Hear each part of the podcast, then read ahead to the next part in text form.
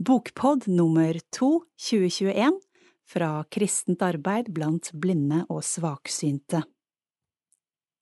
Velkommen til en prat om eh, lydbøker vi har i KABs lydbibliotek. Og her i studio sitter Heidi Vestby, som er vår bibliotekleder, og meg, Kari Underland, og vi skal ha en god prat om eh, sommerlitteratur. Og midt i programmet så kommer det et intervju med Heidi Halvorsen, som i disse dager gir ut en diktsamling. Og etter det prater vi litt til om bøker før vi avslutter. Så håper jeg du blir med oss. Ja, da er det Heidi som snakker, og jeg har med meg diverse bøker fra biblioteket som eh, vi har produsert både i nyere tid og for en stund tilbake. Og nå driver jo vi i KAB og skal arrangere en pilegrimsvandring, og så da tenkte jeg at jeg tar med meg noen pilegrimsbøker, for da, om du ikke har mulighet til å gå på pilegrimsvandring sjøl i år, så kan man jo òg gå med pilegrimsvandring hjemmefra. Og jeg personlig har hatt ønske om å gå pilegrimsvandring, men har ennå ikke fått det til. Men eh, man kan jo være på vandring eh, inni seg sjøl og sitt indre, da, i mange år. Ja, pilegrimsvandring, det har jeg inntrykk av har blitt ganske populært. Mm, det er det. Og det er jo mange pilegrimsleder som nå begynner å bli litt slitt, da. Så det er, eh, men det er mange som går, og det er mange som ikke er eh, spesielt religiøse også som går. Men jeg tror det er noe med den derre som eh, og Anne, Anne Kristin Åsmundtveit sier litt sånn innledningsvis i boka si, som en av de jeg har tatt med. Altså, den som går pilegrim, det må være forberedt på både det monotone, det som gjentar seg, og på brå vekslinger. Dagene er en rytme, og de er, en, og de er i en forstand forutsigbare, men veien er en konstant størrelse som har ligget der i årtusener og tatt imot mange, mange før. Og bare det der å, gå på veier og stier som man veit har vært brukt i så mange år før deg, og gjennom alle tidsaldre, det det tror jeg gjør noe med deg, og så ofte så blir du litt taus. Jeg veit at eh, fengsler har hatt pilegrimsvandring for eh, innsatte, det er prester som går, det er eh, politikerne har jo gått pilegrimsvandring mot Nidaros, så det er liksom, jeg tenker det er noe for alle, og nettopp kanskje i en sånn oppjaga tid, for så kan man bli møtt med en stillhet og ro. Mm. Og fra gammelt av så var vel pilegrimsvandringer eh, en reise eller en gåtur da, mot et mål med en del sånne åndelige aspekter, at man tenkte litt. Noen ganger var det for å gjøre bot, noen ganger var det for å at man hadde et håp om å kanskje bli helbreda eller få noen andre friske igjen mm. framme ved målet, da. Ja. Og i vår tid så kan man nok lenke det litt tilbake til det, men det er sikkert mange andre grunner til å gå en sånn fysisk pilegrimsferd også, da. Men, men da kan man jo også være med litt sånn i ånden, da. Ja. Eller lese om det. Så nå er vi spente. Hva er det du har? Ja, ja jeg, bare den der pilegrimsvandringa til Kristin Lavransdatter. Ja, Sigrid Undset er vel kanskje den mest eh, kjente i norsk litteratur. Eh, og denne boka som jeg da refererte til først, det er Alle mine veier av Anne Kristin Åsmund Tveit, og den er boknummer 3079, eller 803079. Og den handler nettopp om alle de turene som eh, hun har gått, og, og hun skriver om dem, og hun har vært stadig på en eh, vandring. Og jeg har hilst på Anne Kristin, og, hun ser ut som en ekte pilegrim. Ja, øh, hun er liksom sånn, har den derre utefargen i ansiktet. Og, og, det, og, jeg har vært på fortellerkurs med henne, så den boka, den tror jeg vil gi deg øh, mye. Og hun har også en øh, annen bok som heter Pilegrimsprat mellom fromhet og hverdag, og det er nettopp kanskje det man uh, trenger ikke å være så veldig hellig for å være med ut på en uh, pilegrimsvandring. Det er nettopp i vandringa det hellige kan komme deg i møte, og du ikke skal jage mot. Uh, det er en liten andagsbok, og den tar leseren med på en reise både til tradisjonelle pilegrimssteder og til den travle hverdagen.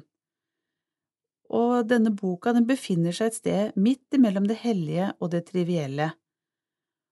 Og en historiebok som kan, man kan ta med seg inn i sin liten hverdag. Og på uh, bildet er uh, en sånn uh, gammel keramisk karaffel, litt sånn høy og smal med en liten sånn tynn hank øverst, sikkert til vann eller vin om du vil, og så er det et brød, og det er sånn et Det blir jo som et sånt offer, da, kan du si, hvis man eh, orker å gå i en sånn vandring. Den boka har eh, boknummer 801857.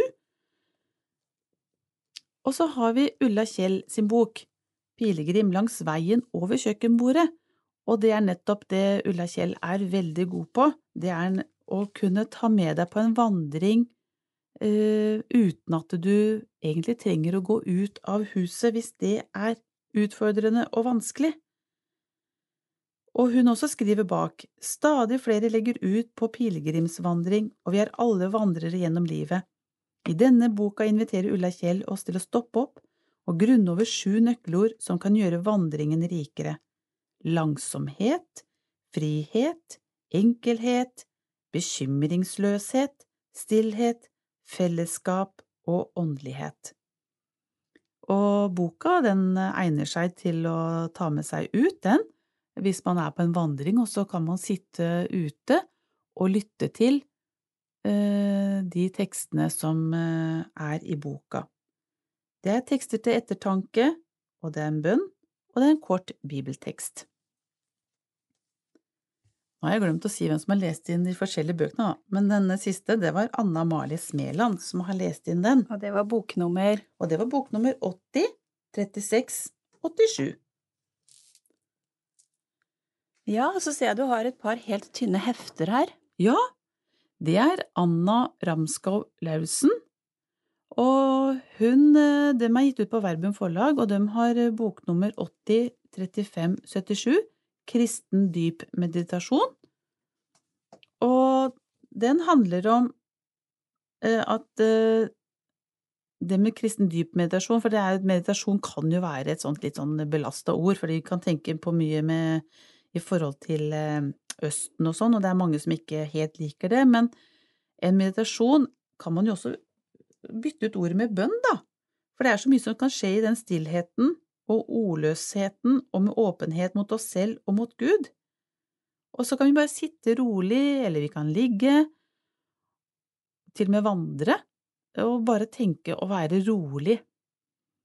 Og det det også for min del, da, så kan jeg bare stirre tomt inn i en vegg, og det er ikke oppskrytt å gjøre den handlingen der innimellom. Det er også å kunne få lov til å bare være rolig og, og, og kjenne at uh, den uroen som kan være inni oss, ja, den kan komme, og så kan den få lov til å gå igjen. Og så kan vi øve oss på å la det skje, og så kan vi øve oss på å bare være i det. Fordi eh, Jesus sa jo det at eh, vi skal jo ikke være helt fri for eh, utfordringer, selv om vi tror. Så jeg tenker at det å øve seg på å kjenne på dette her med litt sånn det indre, det ja, kan være passe for noen enhver, det. Ung og gammel. Ja, det var to av, av den lille korte typen. Hva Ja. var nummeret på den andre? Ja, og det er meditasjoner til pilegrimsreisen, så her eh, kan du få en liten håndbok i det, og det er boknummer 80 34 19. Og den eh, er eh, den pilegrimsreisa her sånn, den kan være en dobbel reise, står det bak. Uansett om du vandrer eller reiser på andre måter, om det er en ytre geografisk ferd, men det kan også være en indre oppdagelsesreise, og det er vel nettopp det som er hele poenget med dette her sånn. Jeg blir faktisk litt inspirert av å ha en sånn vandrebok eh, på øret når jeg er ute og går tur, Ja, så kanskje det må være Ja, fint. det kan være fint, vet du. Og det er fortsatt to bøker til om litt det samme temaet. Litt av det samme temaet, vet du. Det er eh, ei som heter Victoria Bø, som eh, rett og slett har gitt tittelen på boka si Vandring for pilegrimer og andre livsreisende, og den har boknummer 80 35 32. Og den også Der er det liksom Det er ingen eh, reiseruter eller veibeskrivelser i denne boka. Eh, og hun skriver også da eksplisitt bak her at boka passer både for deg som skal gå på en konkret tur, og for deg som gjør refleksjonsreisen fra lenestolen hjemme. Og Victoria Bø søker å åpne opp for spørsmålene hun møter på veien til kjente pilegrimsmål som Santiago, Lindisfarne, Vadstena, Nidaros og Roma. Hun går på jakt etter middelalderpilegrimen og hva det er som gjør en pilegrimsreise til mer enn en fysisk vandring. Hennes reise avspeiler temaene i Lønnebos Kristuskransen, og hun utforsker med skjønnlitterære grep og skjønnsom åpenhet mulighetene som ligger i å være på en oppdagelsesreise i forhold til Gud, seg selv, kjærlighet, omvendelse, stillhet og glede. Så det her er en bok som eh, inneholder eh, mye forskjellig av tekster. Og så er det en litt sånn eh, bok som kanskje er litt mer sånn jobbebok, da. Det indre lyset, meditasjon som bønn. Og det er en katolsk eh, benediktermunk som har skrevet denne boka. Og denne boka er full av praktiske råd og åndelige innsikter, og forfatteren viser hvordan opplevelsen av Kristi nærvær gjennom meditativ bønn kan gi form og hensikt til alt vi gjør og er, våre handlinger, følelser, frykter, lengsler, feil og drømmer. Poenget med denne bønnen er å tillate Guds nærvær å bli ikke bare en virkelighet, men selve virkeligheten i våre liv. Og den er boknummer 80 35 97. Så den er eh, et lite hendig eh, format, den også. Den er ikke på veldig mange sidene, men det er liksom noe med å kanskje få nye tanker og ideer til eh, sitt bønneliv og sitt indre liv. Så en pilegrimsvandring, den kan være både inne og ute. Ja, det var mange bøker om pilegrimsvandring. Eh, jeg lovte litt sånn sommerlitteratur, jeg vet ikke helt hva sommerlitteratur betyr, men vi har i hvert fall noen romaner, Heidi, vi forteller litt om dem? Ja, det har vi, vet du, og den eh, første jeg har tatt med meg nå da, det er, den er akkurat ferdig, og er eh, skrevet av Beverly Lewis og heter Messingskrinet og har boknummer 80 38 35.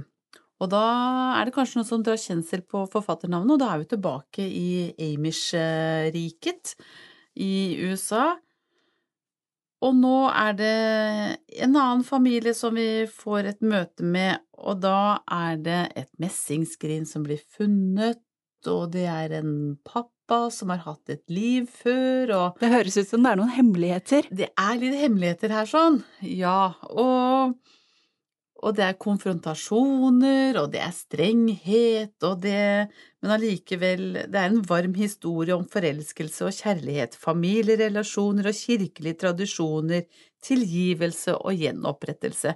Ja, det er rett og slett livet som eh, vi møter eh, her i denne boka.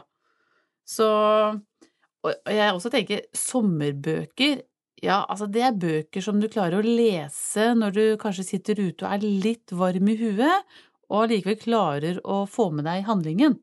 Eller om det pøsregner og er litt kaldt og ikke har noe å finne på. Ja. det, det, er også en mulighet. har lyst til å stenge ute eh, feriegjestene som du kanskje har, eller noe sånt noe. Ja. Og den neste boka jeg har, er, da er vi i Karen Kingsbury, da elsker deg av hele mitt hjerte, og nå er det en Tommy Baxter, og det her er jo Baxter-familien, har vi jo fulgt med i noen bøker nå, i noen eh, timer. Og denne gutten, han er 18 år og kommer hjem og sier at han har tenkt å bli politirekrutt. Og Karen Kingsbury, hun eh, produserer jo bøker etter hvordan eh, nyhetsbildet og politikken er i USA. Så her er det duket for et uh, drama, da, i familien. Hva gjør vi når uh, unga våre ikke vil gjøre det vi sier? Og så er han jo òg forelska, da, for første gang. Og det nydelige forholdet til uh, denne jenta, da, det er jo nesten for godt til å være sant. Og selvfølgelig, da må det jo skje et eller annet. Mm. Høres veldig bra ut. Ja. Mm. En roman til har du? Ja, og dette her er Charles Martin, og han har vi ikke noen andre bøker av, og det er en uh, mannlig romanforfatter nå, og det syns jeg er så bra. Eh, og boka bærer jo litt preg av det, og er litt sånn kanskje litt sånn røff, røffere i kantene. Er ikke så søt. Og den har boknummer 803776, og den heter La regnet falle ned, og det er også et tema i denne boka, om det er familie, det er de vanskelige etterkrigsårene hvor det er mye arbeidsledighet fortsatt, og fedre som drar ifra kone og barn, og ja. Og så det var fortiden, og, og nåtiden så er det ei som eh, liksom eh, søker den store kjærligheten, og så viser det seg at alt er jo så falskt, da. Så her er det duka for ganske bra med drama, for å si det sånn. Eh, I denne boka så viser forfatteren oss at han er en dyktig historieforteller. Med visdom og empati berører han både våre drømmer og våre kamper, og viser oss det motet vi må samle når livet truer det vi holder aller mest kjært. Så her er det en, eh, en veteran fra Vietnamkrigen, og så har vi en bror som har blitt eh, politiker, og så har vi en kjæreste som har prøvd å finne kjærligheten for andre gang, og så er det falskhet i det, og så er det narkotikasmugling og menneskehandel, men allikevel skrevet på en sånn eh, en litt så god måte, syns jeg, altså. Mm. Så det er eh, absolutt en bok som kan være lesverdig i sommeren. Mm. Og nå har vi hørt om eh, flere litt lengre historier, gode romaner. Ja. Men eh, jeg tenker at eh, i tiden vår så er det ofte man har lyst på noe ganske kort å lytte til. Ja. Um, nå tenker jeg litt på poesi, diktbøker og sånn, vi har da litt av det også. Jeg ser du har tatt fram en som heter Mandeltreet, det må du fortelle litt om. Ja, og det er også sikkert noen som eh, drar kjensel på det navnet, for det er jo Haldis Totland Reistad som har skrevet denne boka, og det er en andagsbok med 366 dikt og bibelord. Og boka, den er sånn vakker, eh, dus rosa med da mandelkvist på utsiden som eh, blomstrer. Og, og hun er jo har jo gitt ut mange andre bøker også, som vi også har lest inn før, men nå er det mange av dem er samla i denne som en andagsbok, og da er det et dikt, og så er det knytta opp mot et bibelvers. Så det er absolutt en bok som man kan eh, ha med seg på øret som en sånn litt sånn hurtig hurtigvariant. Mm. Ja, for jeg tenker med poesi så er det ofte litt sånn fortetta språk, at det kommer veldig fine poenger inni disse versene, og, og, da føler jeg at da kan det bli for mye å høre gjennom en hel en på en gang. Ja. At man har, har, litt sånne biter, for i den her Eikstad-boka så er jo et dikt det er dagens dikt, og mm. det er ikke noen flere kommentarer rundt det, men det er eh, et bibelvers, da. Ja. Så det står liksom veldig godt for seg, da. Absolutt. Så da kan man ta så mange man syns man har lyst til, ja. på en gang. Og vi, skal, og vi, har flere av disse her småbøkene òg, så hvis du er ute etter eh, litt sånne, bare litt sånne ord, et sånt lite ord for dagen, så er det Jeg har jo tatt med meg en bok til også, Kari. Ja, vis oss den, da. Ja, det er boka til han Edin Løvaas med 'Minutter med Jesus'.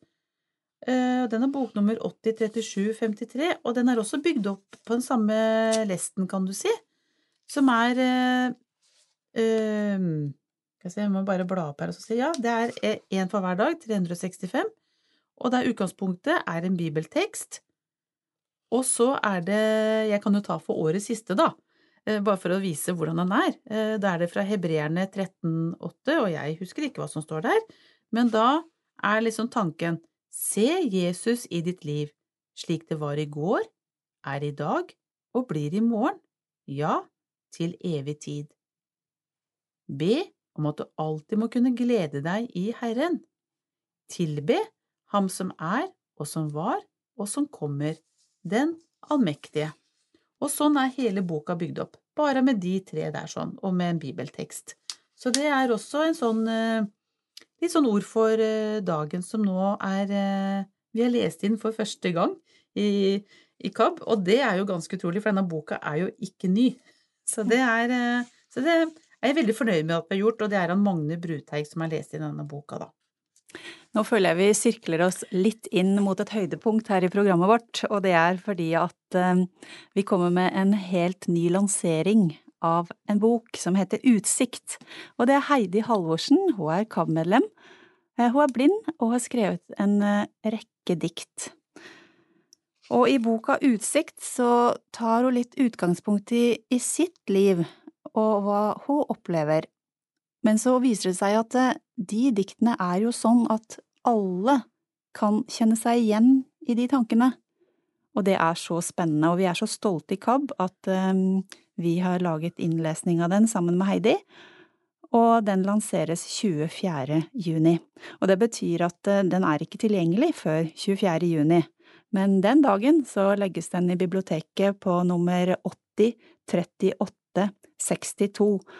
Og nå skal vi ta en liten prat med Heidi Halvorsen, så kan du få høre hva hun tenkte da hun laga alle disse dikta og diktboka si. Nå sitter jeg med et manus i hånda, og manuset heter Utsikt. Og forfatteren har jeg med meg i studio, det er Heidi Halvorsen. Og utsikt, Heidi, hva er utsikt? Utsikt er en diktbok som eh, er ja, en bok som eh, inneholder 63 dikt som jeg har skrevet i løpet av de siste fem åra. Uh, ja, tittelen har navnet sitt etter et av diktene i boka, da, som heter Utsikt. Men utsikt, altså vi andre, holdt jeg på å si, utsikt, det forbinder jeg med å se langt. Men Heidi, du er blind? Ja, jeg er blind, det stemmer. Et av diktene mine der jeg skriver om utsikt, så handler det egentlig ikke om det vi kan se med øynene våre, men mer eh, hva ser du inni deg, på en måte, hva Åssen ser landskapet ut der du er i livet ditt nå? Ikke om det er fjell utafor vinduet ditt, eller om du bor i by, eller om du bor på landet, men mer eh, kan du Har du en framtid foran deg som du gleder deg til, eller er det mer usikkerhet? Hva føler du i forhold til livet ditt, og hvor er du hen? Litt mer det, da. Og hva, hva, ser utsiktene ut? Og det kan jo variere fra egentlig dag til dag, for så vidt. Og også fra år til år. Så eh, ja. det er litt sånn overført betydning? Ja, det ja. er det. Og så syns jeg det var et morsomt ord å bruke siden jeg er blind, så jeg syns egentlig det er litt derfor jeg tok det også. Så, ja. ja. for eh, når man eh, hører på de her dikta, så er det veldig mange hverdagssituasjoner som beskriver noe som veldig mange har vært med på. Mm. Og så føler jeg da at eh, man kan eh, relatere det til noe annet, noe større. Mm. Jeg vet ikke om jeg har skjønt det riktig? Jo, eh, når jeg skriver dikt, så gjør jeg det egentlig først og fremst for min egen del, for det, å gi uttrykk for noe som jeg enten har gått og tenkt på lenge, eller gått og følt på, eller noe jeg har opplevd. Og ofte så har det litt doble betydninger. Det kan være ting jeg har opplevd helt konkret, så noen av diktene egentlig er en beskrivelse av en opplevelse jeg har, men allikevel så rommer det noe dypere i livet, da. Det handler også litt om trosliv og Gud og sånn, og ikke bare, ikke bare de der glansbildene av Gud, men også hva jeg noen ganger føler og tenker overfor det med tro. Eh, og også andre ting i livet i forhold til det å miste synet er én ting, men samtidig så tror jeg at eh, at det er mange dikt som du fint kan kjenne deg igjen i sjøl om du ikke har et synstap, for eksempel. Ja, det kan jeg skrive under mm. på, for det, det, det, er lett å gjøre. Mm. Eh, men litt om deg, da. Eh, har du vært forfatter lenge? Nei, det her er min første bok, så det er veldig, veldig spennende, syns jeg, eh, å, få, å, få, gjøre det her. Jeg er 43 år, eh, bor i Våle, en landsby, eller hva jeg skal kalle det, utafor Tønsberg, eh, i Vestfold. Er gift og har to barn, og jobber som miljøarbeider på en videregående skole. Det er liksom det jeg gjør til daglig, da. Men, eh, men det å skrive bok, um, kan du fortelle noe om prosessen? Ja, um, jeg hadde egentlig ikke tenkt å skrive noen bok. Jeg skrev mitt aller første dikt i 2016, nesten ved et uhell, egentlig, for jeg skulle bare skrive noe om et kurs jeg hadde vært på, så blei det et dikt, og så var det liksom som om sjelen min fikk en stemme litt, så jeg begynte å skrive mer dikt. Og så har jeg delt de dikta med folk underveis, og så har de 'Kan du ikke gi ut en bok?' er det flere og flere som har sagt. Og samle dikta dine der. Og så, ved hjelp fra blant annet deg, Kari, og eh, noen flere, så har jeg turt å gjøre noe med det, da.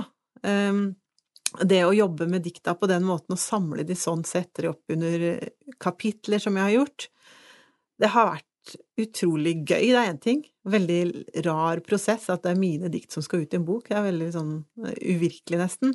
Og også når jeg skulle pugge dikta fordi jeg har lest inn boka eh, også, på lyd. For jeg leser ikke fort nok punktskrift, så derfor så måtte jeg pugge alle dikta. Så kom jeg liksom tilbake i de settingene da jeg skrev dikta, så det var veldig, veldig rart, og egentlig litt fint òg, å ta den reisen en gang til. Hmm. Nei, for um, vi sitter her i studio nå etter at Heidi har lest inn hele boka si, og jeg er jo kjempeimponert, for du sier det i en bisetning at jeg måtte pugge alle diktene utenat, men det er jo en stor jobb. Eh, åssen kan du få det til? 63 dikt? Jo, jeg har jo brukt noen timer på å pugge, så har jeg ikke tatt alle på en gang. Jeg har tatt litt og litt. Og så har jeg tenkt at eh, for det er noen dikt, det kan jo være sånn Eh, oppgave til dere som både hører og ser. For det er ikke alle ord som er helt like i lydversjonen og det som står på tekst. Og så har jeg tenkt ja ja, forfatteren kommer ikke å ta meg av den grunn. Så det er kanskje samme meningen i et ord, men jeg har bytta om, for jeg glemte hva det egentlig var. Men eh, jeg tenker at det er noe med historien i dikta, og at den er jo levende. Så jeg tenker at det ikke gjør noen ting. Det er helt fantastisk, for det er jo forfatteren sjøl som leser, ja. og da er diktet levende. Mm. Veldig bra. Kan du si noe om de forskjellige kategoriene som du har tatt for deg når du skriver dikt? Det handler litt om forskjellige ting i livet. Bare sånn at folk kan mm. få en smakebit av hva, hva som fins i boka? Ja. Eh, jeg har eh, samla det litt temavis, vil jeg på en måte si. Det er flere som kunne sikkert gått under forskjellige temaer, men eh, et tema som Eller det første heter Som en håpets sommerfugl. Der er det dikt som, som er litt sånn kanskje litt skjøre, men håpefulle, de fleste av de. Og så har jeg en kategori som heter Hvor finnes lyset? Eller en kategori, et kapittel. og eh, det er skrevet, de dikta som er der, er skrevet i litt mørke, for litt mørke dager. Eh, når livet føles litt stort, rett og slett. Eh, så har jeg en kategori som heter Hva ser jeg? Og det kan du si at ja, men du er jo blind, og det er et av dikta som handler litt om det, men det handler litt om den utsikten igjen. Hva er det jeg ser? Og så har jeg en kategori som heter Ingen lost case, og det er noen litt sånn Hvis du trenger en oppmuntring, så vil jeg tenke at det er dikt i, den, i det kapitlet som passer godt, da. Uh, at vi er faktisk ikke helt forkasta eller fortapte sjeler eller saker. Mm. Mm. Men det er jo fint å vite, da, at mm. boka er ordna etter litt forskjellige følelser, kan man mm. si. Mm. Fra det litt såre og til mm. det egentlig litt sinte. Ja, ja. Og mange andre følelser ja. midt imellom. Men Heidi, hvordan tenker du at denne boka kan eh, brukes? Ja, altså, når du sitter med en diktbok i hendene, så tenker jeg at eh, det er jo ikke en type bok som man leser på en kveld, eller leser fortest mulig, da, fordi et dikt Hvis du kan sammenligne det med hva skal jeg si, roman eh, eller en novellesamling, for eksempel, så vil jeg jo si at et dikt er jo mer på linje med en hel novelle, på en måte, enn at det er bare liksom første kapittel.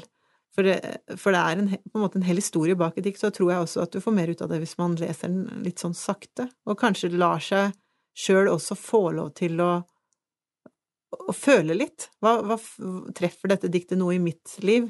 Så kan det kanskje faktisk bli noe som eh, gir deg noe fint, da. At man trenger litt tid ja. på hvert dikt å synke inn, på en måte? Ja. ja. Det vil jeg jo anbefale når man først leser en diktbok. At, man, at det er jo ofte en tekst som er fatta i korthet, eh, om noe ganske stort som blir formulert på ganske liten plass. Yes. Du, vi vil veldig gjerne høre deg lese ett dikt til slutt, og da har du valgt uh, Utsikt. Utsikt. Hva ser du? Hva er utsikten din fra der du sitter akkurat nå? Er det klarvær og god sikt? Et vakkert landskap som strekker seg ut? En framtid fylt av håp og tro? Eller er det tåkete og lavt skydekke?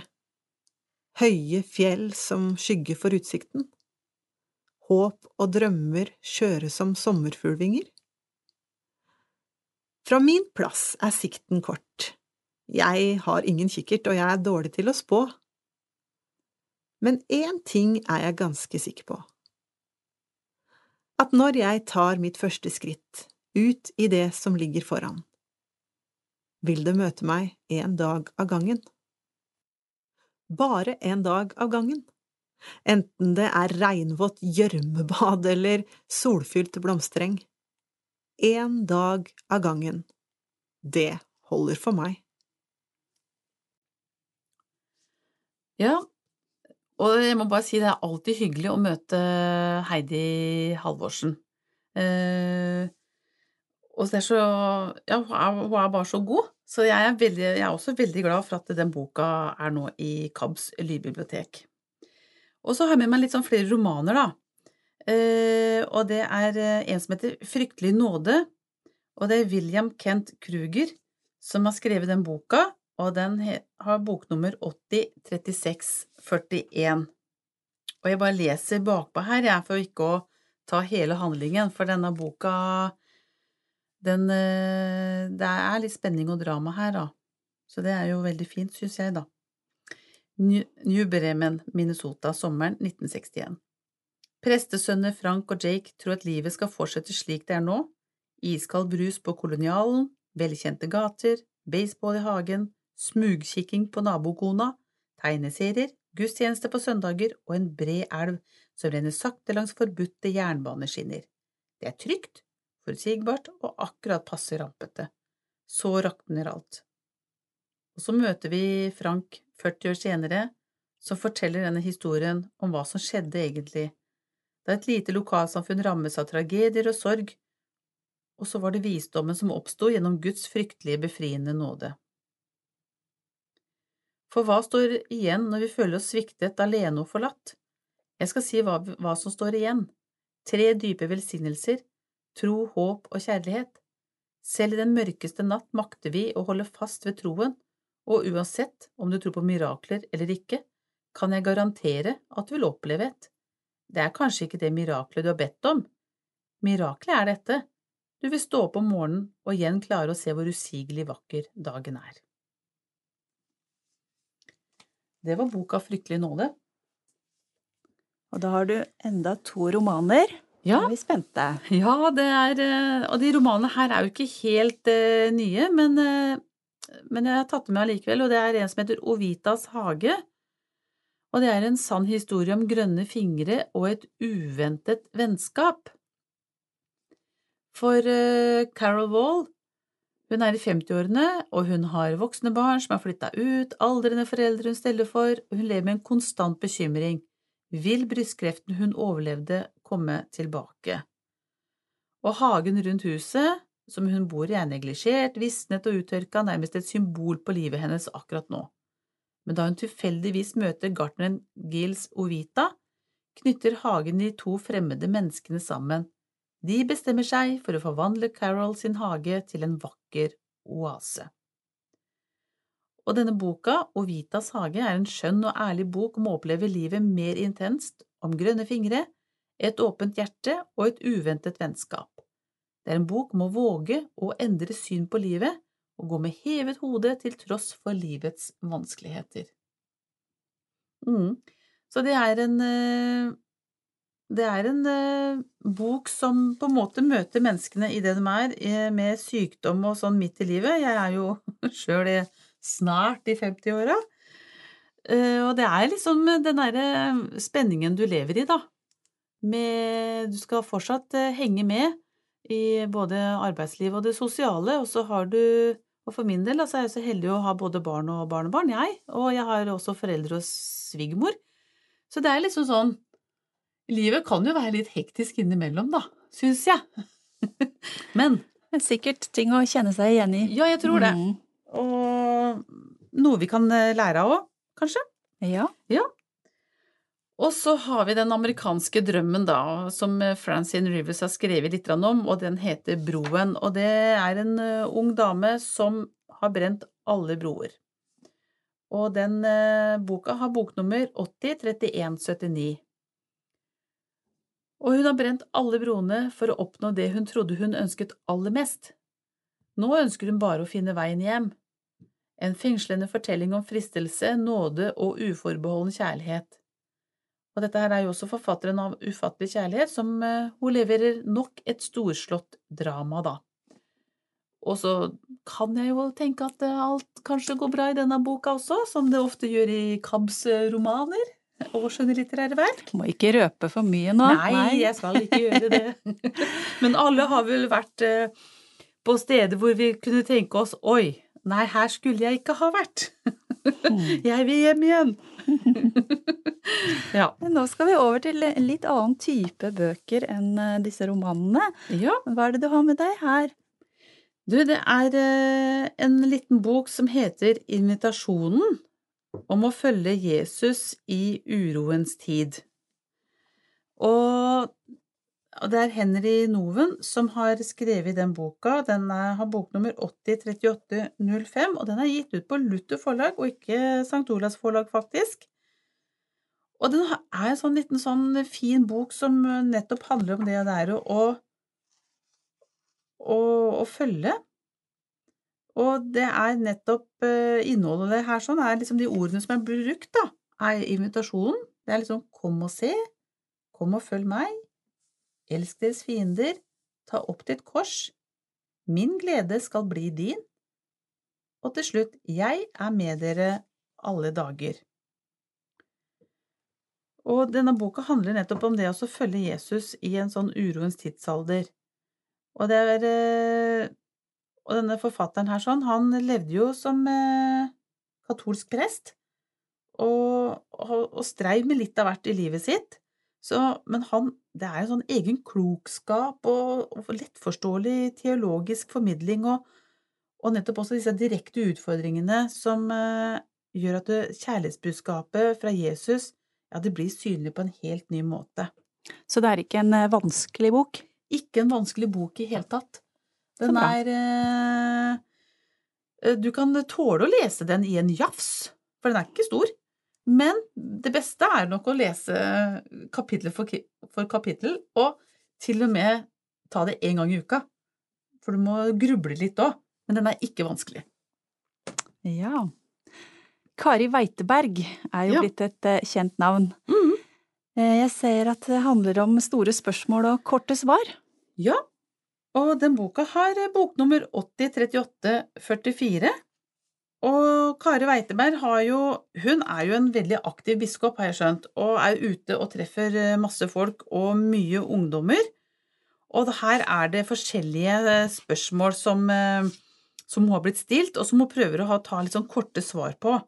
Fordi har, spør ungdommene et spørsmål, og svaret ditt er mer enn fem og en halv setning, så lukker jo de øra. Men denne boka her sånn er eh, Så den prøver nettopp dette her med korte svar, da. Og litt sånn fakta og sånn innimellom, da.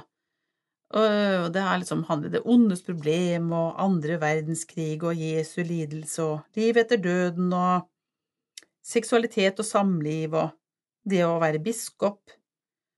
Eh, Til og med en oppskrift på nattverdsbrød er det her sånn. Og fakta om vannet, og det er forskjellige samfunnsspørsmål.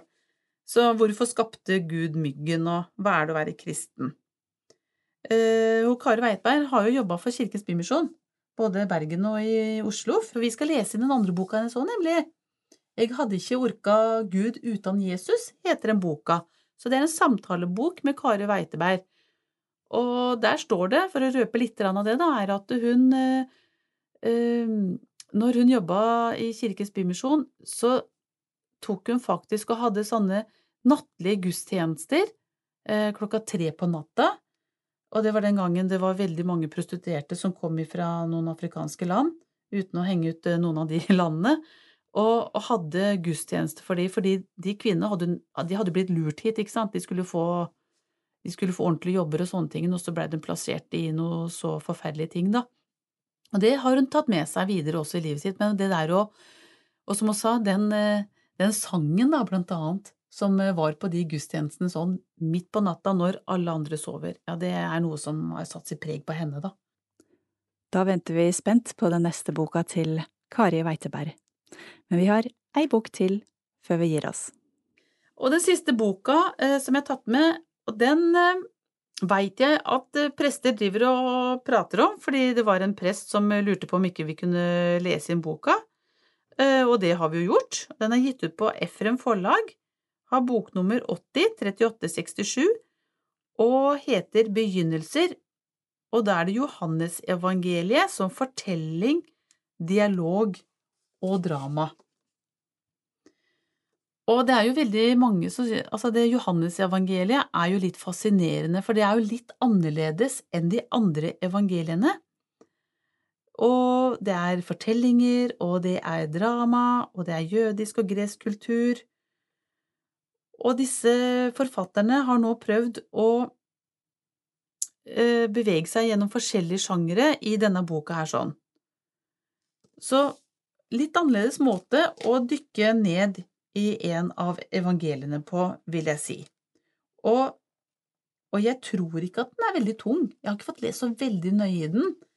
Eh, men den er eh, Hvis du er litt sånn nysgjerrig, da, hva er det som er mer bak Johannes-evangeliet, og få en forståelse av det, så tror jeg denne boka er eh, Jeg vet den er god, da. Mm. Mm. Det er jo verdt å prøve. Ja, det Det er er jo det. ikke verre enn å prøve, og så ser Nei. man om man faller av eller ikke. Og det er det som er så fint med lydbøkene våre. Om du velger nedlast eller engangs-CD, så er det jo bare å prøve å lytte litt. Nei, var ikke noe for meg. Det er jo bare å slette ut fra appen eller kaste CD-en. Mm. Ja, men da var vi gjennom det vi tenkte vi skulle fortelle om i dag. Mm. Så da håper jeg du får en eh, god sommer og en god lydboksommer med mange gode opplevelser. Har du lyst til å høre mer fra KAB, så kan du søke opp våre podkaster, for eksempel Blindebukk eller Tanker om tro eller Snakk om det, og du finner dem i Spotify eller andre plasser, og selvfølgelig i lydbiblioteket til KAB. Hvis du har innspill, så tar vi gjerne imot ris og ros, og da kan du sende e-post til kab.alfakrøllkab.no, eller så går det fint å ringe 6981 6981.